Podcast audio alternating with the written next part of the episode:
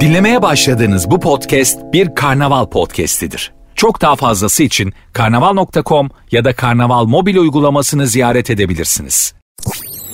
Sertünsüz.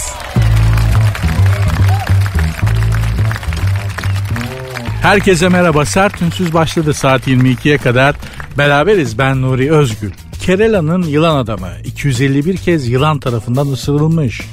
50 binden fazla sürüngenin hayatını kurtardığı için Kerala'nın yılanı adamı lakabını kazanan yılan avcısı Vava Süreş diye bir adam 251 kez yılanlar tarafından ısırıldım demiş. Profesyonel yılan avcısıyım demiş. Burada bir çelişki var. Yani profesyonel bir yılan avcısıysan ve 251 kez yılan tarafından ısırılmışsan profesyonel değilsin demektir. Beceriksizsin demektir bu aslında.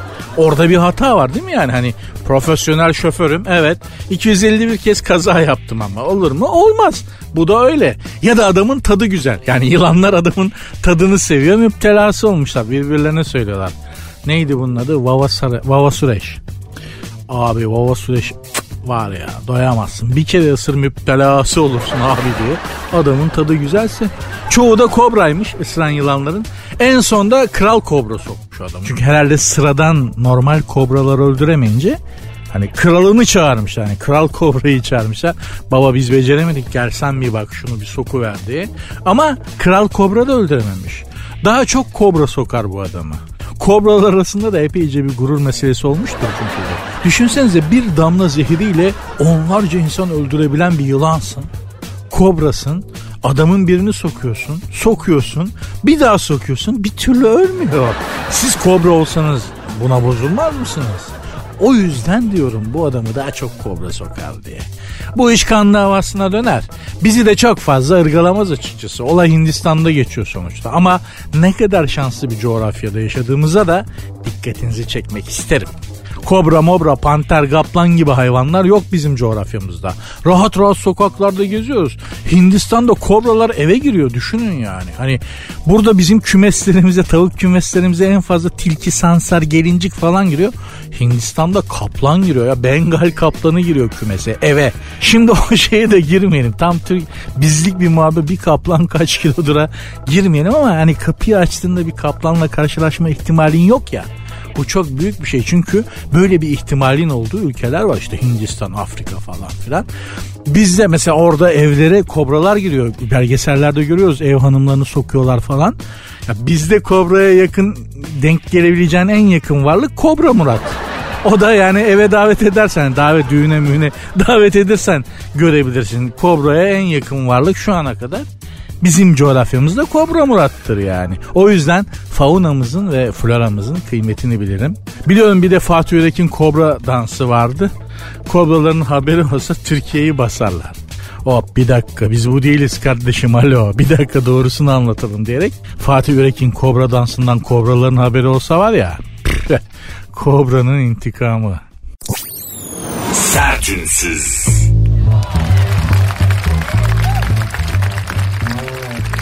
Sert ünsüz devam ediyor.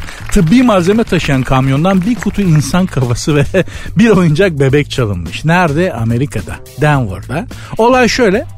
Bilimsel bakım programı diye bir program varmış. Buralara organ bağışlanabiliyormuş. Bu bilimsel bakım programına bağış olarak da kafasını bağışlamış bir takım insanlar. Bildiğiniz yani insan ölünce hani organlarını bağışlıyor ya bunlar da kafalarını bağışlamışlar. Bu bilimsel bakım programına.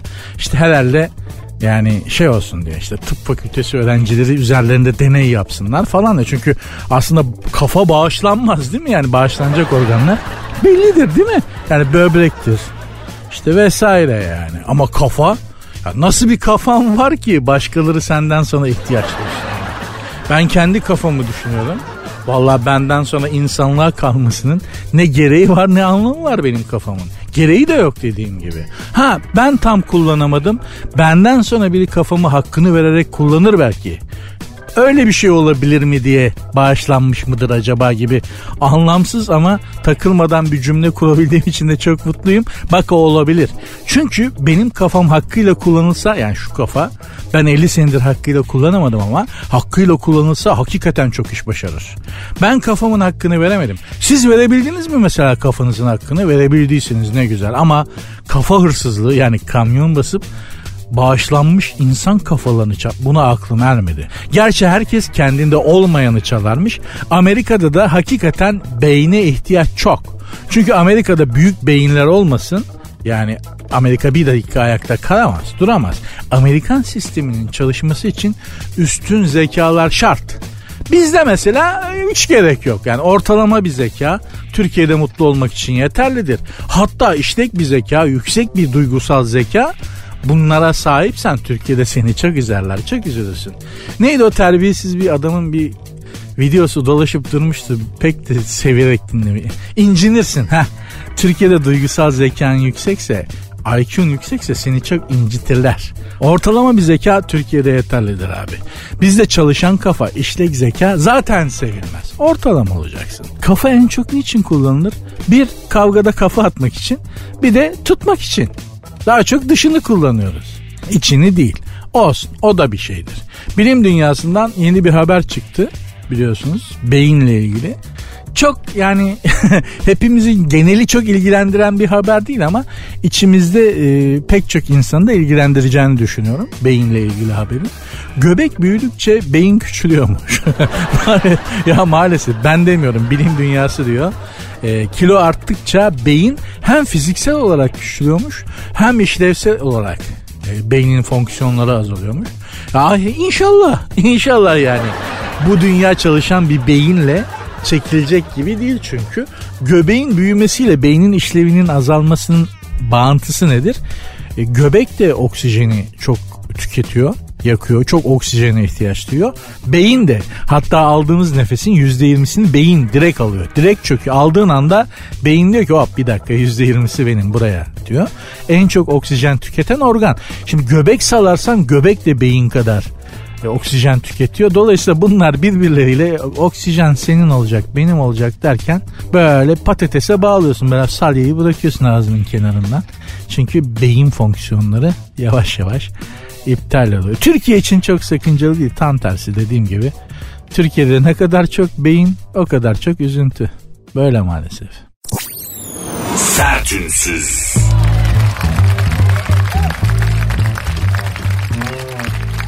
Şimdi aslında bu konuya hiç girmeyeyim.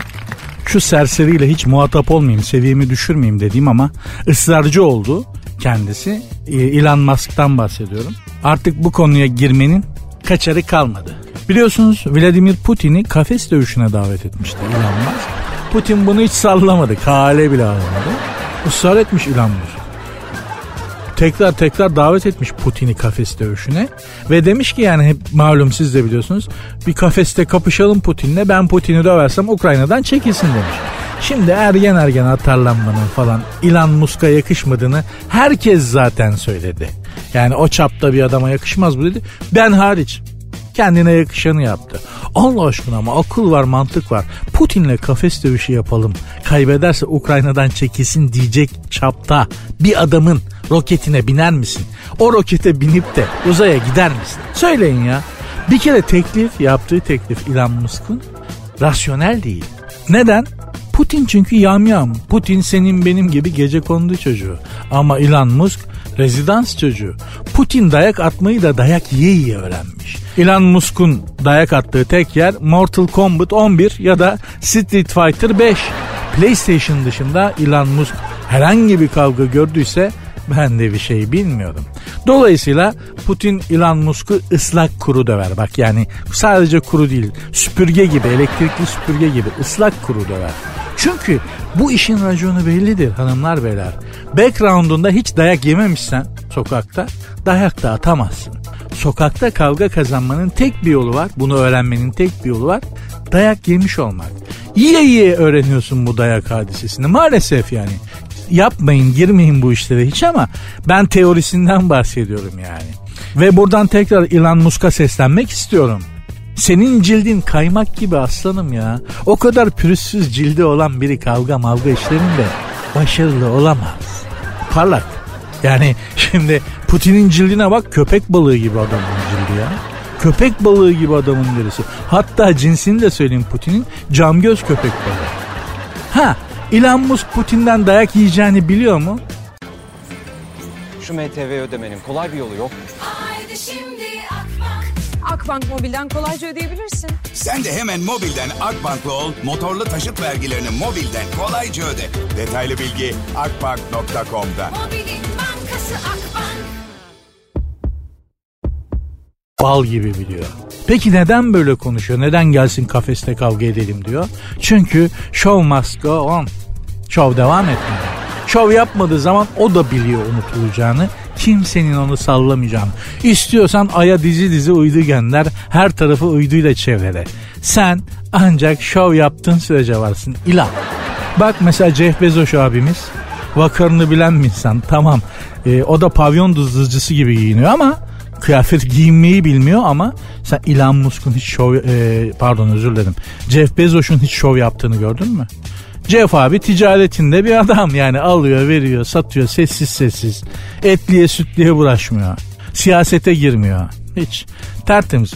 Canını seveyim Jeff Bezos gibisi var mı ya? Her zaman söylemişimdir yani. Bundan sonra da Elon Musk'un adını kolpacan olarak değiştirmeyi öneriyorum. Bunlar beyler. Putin'e de tavsiyem Kabul et aga. Elon Musk'un kavga teklifini kabul et. Şunu zıplaya zıplaya boyu kısa ya Elon Musk uzun. Şunu zıplaya zıplaya bir patakla gospodin. Bir kafası pırıl pırıl olsun. Çünkü dayak yiyince öyle olur. Yani dayak yiyince kafa netleşir. İlginçtir ama doğrudur bu bilgi gerçekten. Dayağı yersin, dayağı yersin. Her şey netleşir. Bütün ikilemler biter. Bütün dilemmalardan kurtulursun. Varoluşun netleşir falan böyle kainat bir anlam kazanır. Putin'i kavgada yenmenin tek bir yolu var. Onu da söyleyeyim Elon Musk'a. Eğer Putin kabul ederse. Bu adam kısa olduğu için yere sağlam basar Putin. Ağırlık merkezi de yere yakın olduğu için kolay kolay devrilmez, dengesini kaybetmez. Dolayısıyla yapılacak olan şey şu Putin'i harcamak için. Yukarıdan aşağı Putin'in e, şuuruna bıngıldağına vur. Bung yani soğana vurursun ya sofrada böyle soğanı kırmak için. Ha, Putin'in kafaya bıngıldağa doğru öyle vurursan ancak etkili olabilir. Onun dışında Vladimir Putin seni havada karada yer. Deniz seviyesinde Putin'le mücadele edemezsin. Elon Musk da bunu bir kenara yazsın. Belki lazım olur. Sertünsüz.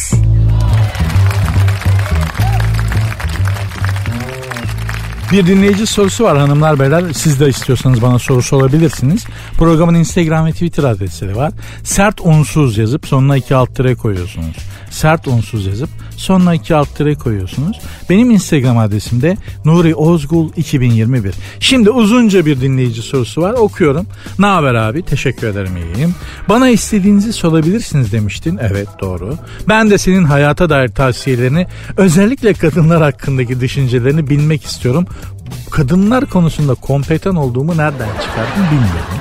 Ama elimden geleni yapayım. Peki neden acaba Søren Kierkegaard felsefesinde nihilizmin yeri konusundaki fikirlerimi merak etmedin de kadınlar konusundaki düşüncelerimi merak ediyorsun? Emin değilim. Yani emin değilim ama olsun. Çünkü sana yarayan öbürü. Hani kadınlar konusundaki düşüncelerin her erkeğin kendine göre kadınlar konusunda bir gerçeği ve bir düşüncesi var ve hepsi yanlış. Yani hani kaç erkek varsa o kadar dünyada kaç tane kaç milyar erkek varsa o kadar da kadınlar hakkında fikir, tahmin ve teori var ve hepsi de yanlış. Hiçbiri doğru değil. Benimkiler de öyle ama peki faydalanacağını düşünüyorsun madem. Faydalandırayım. Neden illa kadınlar dediğim gibi aslında biliyorum başka derdimiz yok biz erkeklerin başka ne şey olacak yani başka merakımız yok öyle öyle maalesef öyle yeryüzündeki en büyük bilmece kadınlar çünkü bizim de ilgimizi en çok bu büyük soru işareti çekiyor en büyük soru işareti çekiyor dikkatimizi hep yani yeryüzündeki en büyük bilmece en büyük gizem orangotanlar olsaydı onların peşinden koşacaktık ama en büyük gizem en büyük bulmaca kadınlar Dolayısıyla da sürekli kadınlara kafa yoruyoruz. Ama soru bu değil daha soruya geçemedik. Soruya devam edelim. Diyor ki mesela ben en son bir hanımefendiyle oturdum konuştum. Mall of İstanbul'da çay çorba hatta Adana bile yedik. Buraya dikkat buraya döneceğim çünkü. Mall of İstanbul'da bir hanımefendiyle çay çorba hatta Adana bile yedik. Benim anladığım kadarıyla her şey iyi güzeldi. Karşımdaki hanımefendinin yüzü, davranışları, mimikleri vesaire beni her şeyin yolunda olduğunu düşünmeye sevk etti. Sonraki günlerde ise aradığımda telefona çıkmamalar, yazışarak iletişimimizin gitgide azalarak bitmesi. Böyle şeyler oldu. Artık hanımefendiye hiç ulaşamıyorum. Bunun mantığını araştırıyorum üstad demiş. Bunun için gittim kitaplar aldım. Freud'un kitaplarını okudum. Evli arkadaşlara sordum. Kadınların kafasının işleme şekli nedir diye sordum. Kimi diyor ki onların kafası karışık. Kimi diyor ki onun onların akılları şeytanlığa çalışır. Bunu kabul etmiyoruz ama böyle diyen erkekler de varmış. Kimi diyor ki ben de bunca senedir kadınları çok Ben de sana sorayım abi feleğin çemberinden 200-300 kere geçmiş bir insana benzetiyorum seni demiş. 200-300 değil ya. Bir kere geçmişimdir ama yani. Bir tur bir gidip bir giriş yapmışımdır. Zaten 200-300 kere feleğin çemberinden geçen adamın ruhu yalan mı olur? Soruya geçiyorum. Soruya geçiyorum. Mevzuyu burada bu kadarlık kesiyorum. Bunun mantığı felsefesi nedir? Kadınların kafası nasıl çalışır diye e, bana sormuş. Şimdi anladım. Anladım. Bir kere bu soruyu cevaplayacak bir insan evladı, bir erkek yeryüzünde yok. Kadınların kafası nasıl çalışır sorusu biz erkekleri aşan bir soru. Biz önce ya biz bu kendimizdeki kafayı nasıl çalıştıracağız? A kafa yormamız lazım. Buna kafa yormamız lazım. Bizim kafamız bir çalışsın. Sonra kadınların kafasının nasıl çalıştığını düşünürüz. Senin durumuna gelince aslında hanımefendinin görüştükten sonra bir daha seninle neden görüşmediğinin cevabı sorduğun sorunun içinde var. Oturduk çay çorba içtik hatta Adana yedik dedin ya. Adana yüzünden işte. Hani, hani ilk buluşmada e, hele önden az ezo içtiyseniz o iş başlamadan bitti demektir. Bir daha aramaz o kadın seni ben sana açık söyleyeyim. Birlikte yemeğe çıktığım ve yemekte yemekten önce az ezo gelin içtiğim hiçbir hanımla tutarlı bir ilişki kuramadım hayatım. Maalesef olmadı. Hele Adana falan yediysen o ilişki sahilden Kaliforniya sana açık ve net söylüyorum. Sofistike şeyler yememek lazım. Özellikle ilişkinin başında sofistike şeyler yememek lazım. Kadınları etkileme devresinde böyle acılı Adana, astrefistinli bir şey falan hani sembüsek kebabı, cartlak kebabı, e, bol sarımsaklı işkembe çorbası bunlara falan hiç girmeyeceksin. Mümkün olduğu kadar mideyi az yoran şeyler, sofistike olmayan bildik lezzetlere yöneleceksin. İlişkide ilk ilişkinin ilk zamanlarında dekorlu yerlere gitmek lazım. Yani mekanın dekoru, görkemi falan hani hanımefendiyi büyülesin. Yemekte böyle kahri çekilir bir yemek olması yeterli. Anlatabiliyor muyum? Ama çok sofistike şeylere girersen böyle işte böyle mantarlarsın. Yani ilk buluşmada kadına Adana yedirilir mi var? Bir de bana soruyorsun beni niye aramıyor diye. hani yani sence niye aramıyor? Acılı Adana'yı dayamışsın kadıncağıza. Kim bilir nasıl sıkıntılı bir finali oldu şimdi beni konuşturtma burada yani. Ben de olsam aramam. Lütfen. Asude şeyler yedirelim hanımefendilere. İlişkinin ilk başında. Etkilemek istiyorsanız da dekorlu manzaralı yerlere götürün. Sonra sofistike şeylere girersiniz. Birbirinize alışıp kabullendikçe sofistike şeyler yemeye gider. Öyle ocak boşu ocak boşu falan. Sonra yani o, o, o işler. Sertünsüz.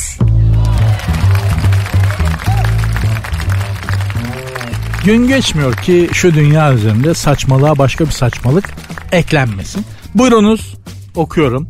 Kanada'da bir üniversite baştan sona Kanye West üzerine kurulu bir ders açmış. Bildiğiniz Kanye West Kim Kardashian'dan boşanmış. Rapçi miydi bu adam? Ha işte onun üzerine Kanada'da bir üniversite hem de baştan sona yani bütün sezon full sezon Kanye West dersi veriyormuş. Ders sanatçının kendisinin yanı sıra şöhret ve akıl sağlığı, rüyalar ve kabuslar ve daha da önemlisi kendini gerçekleştirme temalarında analiz etmeyi vaat ediyor. Vaş. Vaş. Bildiğimiz kötü Kanye West'ten Bunları mı öğreteceğiz? Kendini gerçekleştirmek, akıl sağlığı, rüyalar ve kabuslar. Ne bileyim Aristoteles, Jean-Paul Sartre. Değil mi? Hani Sigmund Freud, Gustav Jung. Hani bunlardan bu iş Kanye West'e mi düştü? Yazıklar olsun. Kanye West dersleri şimdi tabii ya düşünün böyle üniversitede Kanye West dersi var ya dünyada bir üniversitede. Böyle bayağı mukavemet gibi, Roma hukuku gibi Kanye West dersleri verecek. Ya iyi ki vaktiyle üniversiteye girip çıkmışım. Üniversiteler de sapıttı. Kanye West dersleri falan vermeye başlamış. Şöyle demiş Kanye West derslerini verecek hoca. Bu ders Kanye'nin albümlerinden kültürel, sanatsal ve kişisel bakış açıları olarak yararlanıp onun dehasının evrimini incelerken Kanye'nin çalışmalarının bütününün ve bunların etkilerinin özgün karmaşık itiraflı gibi akademik saçma sapan bir dil vardır ya özellikle makalelerde. Yazandan başka kimse anlamaz ama herkes anlamış gibi yapar. Heh öyle bir dille işte neden bu dersi verdiğinin aslında bir anlamı yok ya. Anlamsız bir şeye anlam katamayacağı için eveliyor geveliyor. Neyse. Ne anlatacaklar? Yani şimdi deha demişler. Yani Kanye West de deha demiş adam. Kim Kardashian'ı nasıl kafalarsın? Yani Kanye West derslerinde Kanye West'in bu hayattaki en büyük başarısı. Ka- Kim Kardashian'ı kafalamak. Başka bir başarısı yok ki ya deha falan diyorlar. Bir kere deha sahibi adam Kim Kardashian'la evlenmez. Hadi evlendi diyelim. Deha sahibi adam Kim Kardashian'dan boşanmaz. Deha dediğin nedir yani? Hani Kanye West çatalın kenarıyla atomu parçalamayı başardı da benim mi haberim yok? Bir de bu Kanye West'e sayısalla mı giriliyor? Sözlerle mi giriliyor acaba? Yani Kanye'ye girmek diye bir şey olacak artık demek ki dünyada. İktisada girmek, işletmeye girmek gibi.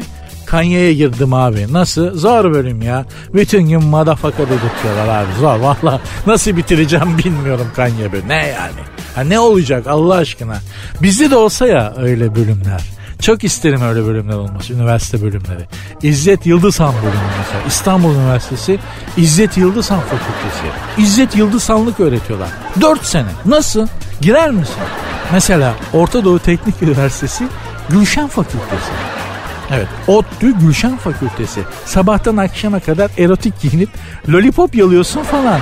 Dünyanın çivisi işte böyle çıktı arkadaşlar. Böyle böyle dünyanın koca çivisini çıkarmaya başladılar. Üniversiteye bak Kanye West bölümü var ya. Kanye West'lik okuyorsun. Püh. Biz de diyoruz ki her şey güzel olacak. Eyvah eyvah. Sertünsüz.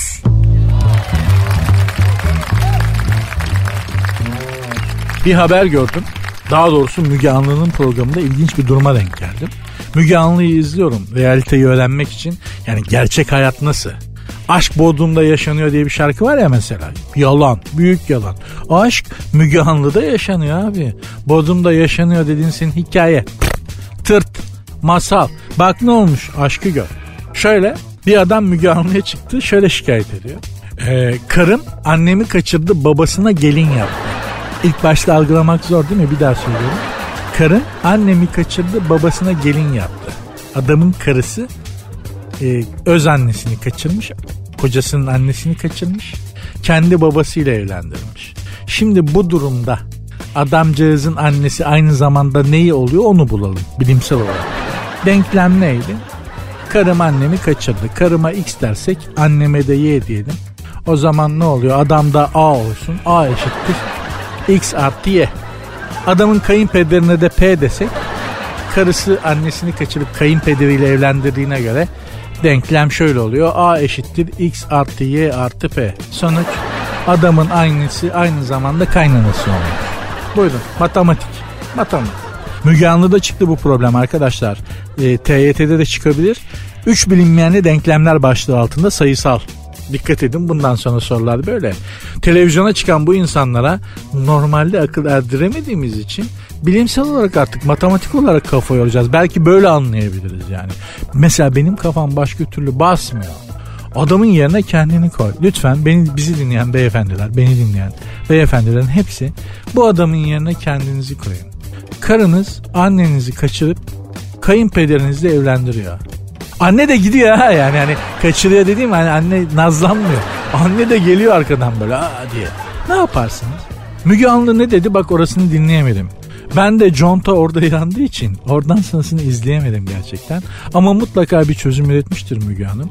Ben şahsen kaçarım. Yani böyle bir şey Allah korusun hepimizi benim başıma gelse Zelenski'yi aradım Ukrayna devlet başkanını. Abi Ukrayna için ön cephede savaşmak istiyorum dedim. Hiç olmazsa hayatın bir anlamı olur ya. Bu kadar anlamsızlıkla bu kadar manasızlıkla başka türlü baş edemem yani. Allah akıl fikir versin. Hakikaten fazla da şey etmemek lazım yani. Sertünsüz. Bana diyorsunuz ki abi Elon Musk'a çok fazla sarıyorsun. Nasıl sarmayayım? Adam olsa sarmayacağım ama adam değil. Şuursuzun en önde gideni. Yoksa ben onun iyiliği için konuşuyorum. Bakın ne yapmış. Bana hak vereceksiniz şimdi. Sevgili bir dakika neydi haber? Ha, sevgilisi vardı bu Elon Musk'un. Grim. Grim'e mi? Grim. Bu Grim bir röportaj vermiş ve demiş ki ya Elon Musk zaman zaman fakirlik sınırının altında yaşıyordu. Dünyanın en zengin insanı Elon Musk'un hiç de milyarder hayatı sürmediğini dile getiren eski sevgilisi Los Angeles'ta yaşadıkları sırada yatağın bir tarafında bir delik bulduğunu açıkladı. Şimdi tekrar soruyorum. Sen bu adamın, bu Elon Musk'un yaptığı rokete binip uzaya gider misin? Adam altına yatak almıyor ya. Yayları sırtına bata bata yatıyor. 220 milyar doları var üstelik bu adamın. Hatta bak ne demiş Green? Yeni bir yatak almak yerine Elon Musk'ın Musk ne ya? Elon Musk'ın ondan sevgilisine demiş ki kendi evindeki yatağı getir de demiş. Onun yuh yuh be tam ölücü. hani esnafın ölücü dediği adam var. İşte bu Elon Musk. Olsa evliya sokma avlıyor dedikleri cinsten bir adam. Eyvah eyvah. Gerçekten Allah acısın bize. Bu adam bir de dünyadaki teknolojide tek isim yani düşünün. Ve bu Elon Musk kendi şirketinden kiraladığı 50 bin dolarlık prefabrik küçük bir evde yaşıyor. Sabah akşam ekmeğin üstüne de fıstık ezmesi sürüp yemekten diyor.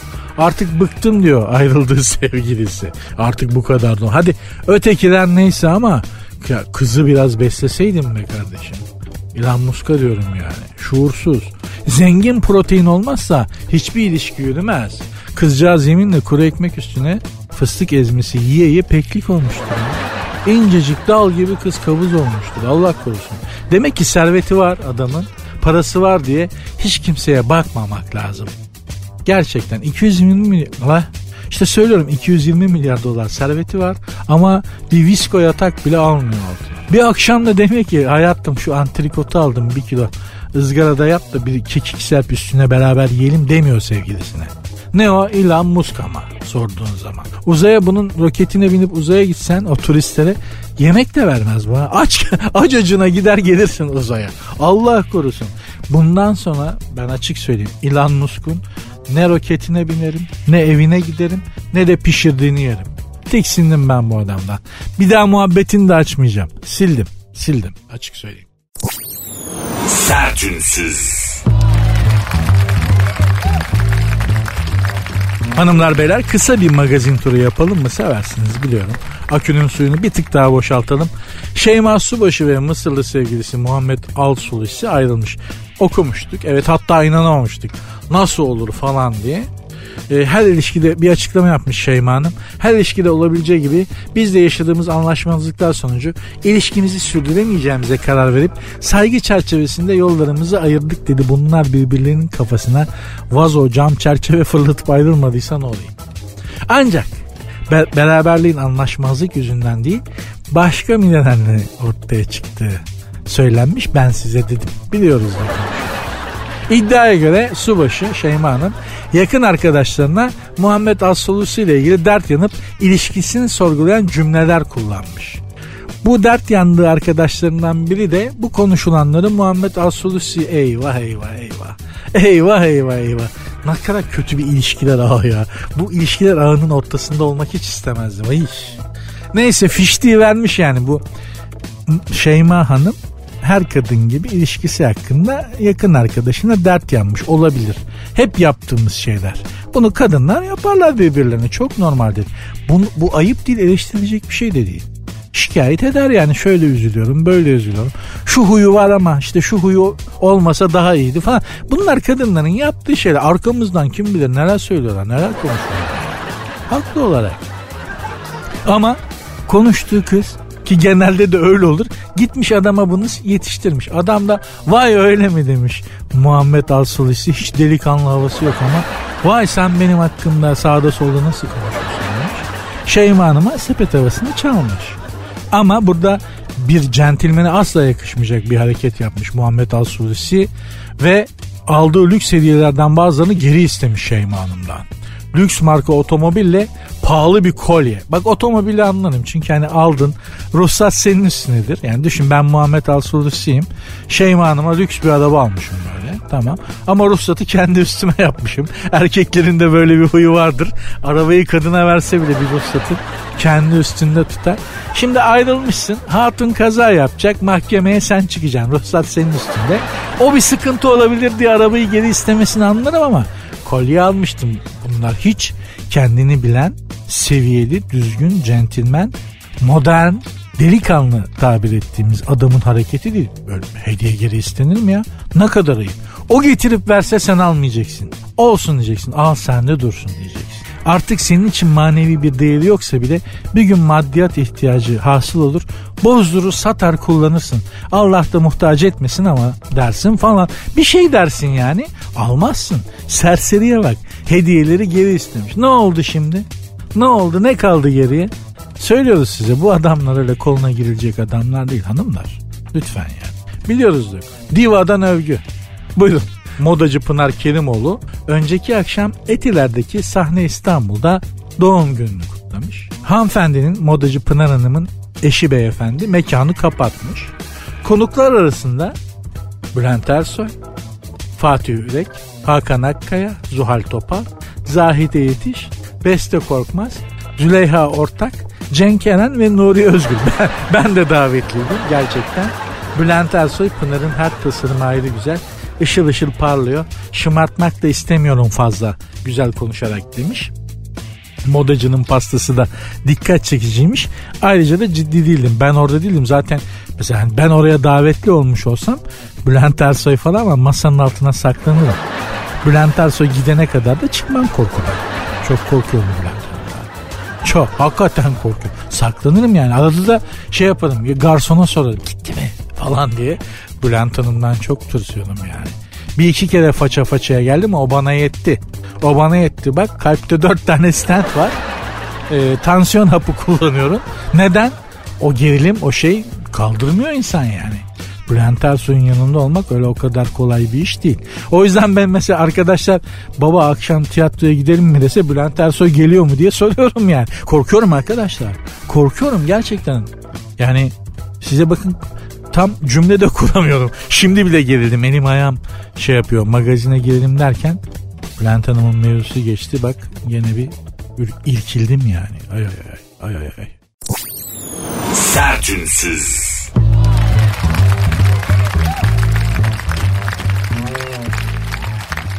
Düzce'de Gül isimli atı yorulduğu için arabasını kendisi çeken Tarık Toka, Türkiye Jockey Kulübü ve at çiftliği sahiplerinden Yem ile bakım desteği gelmiş.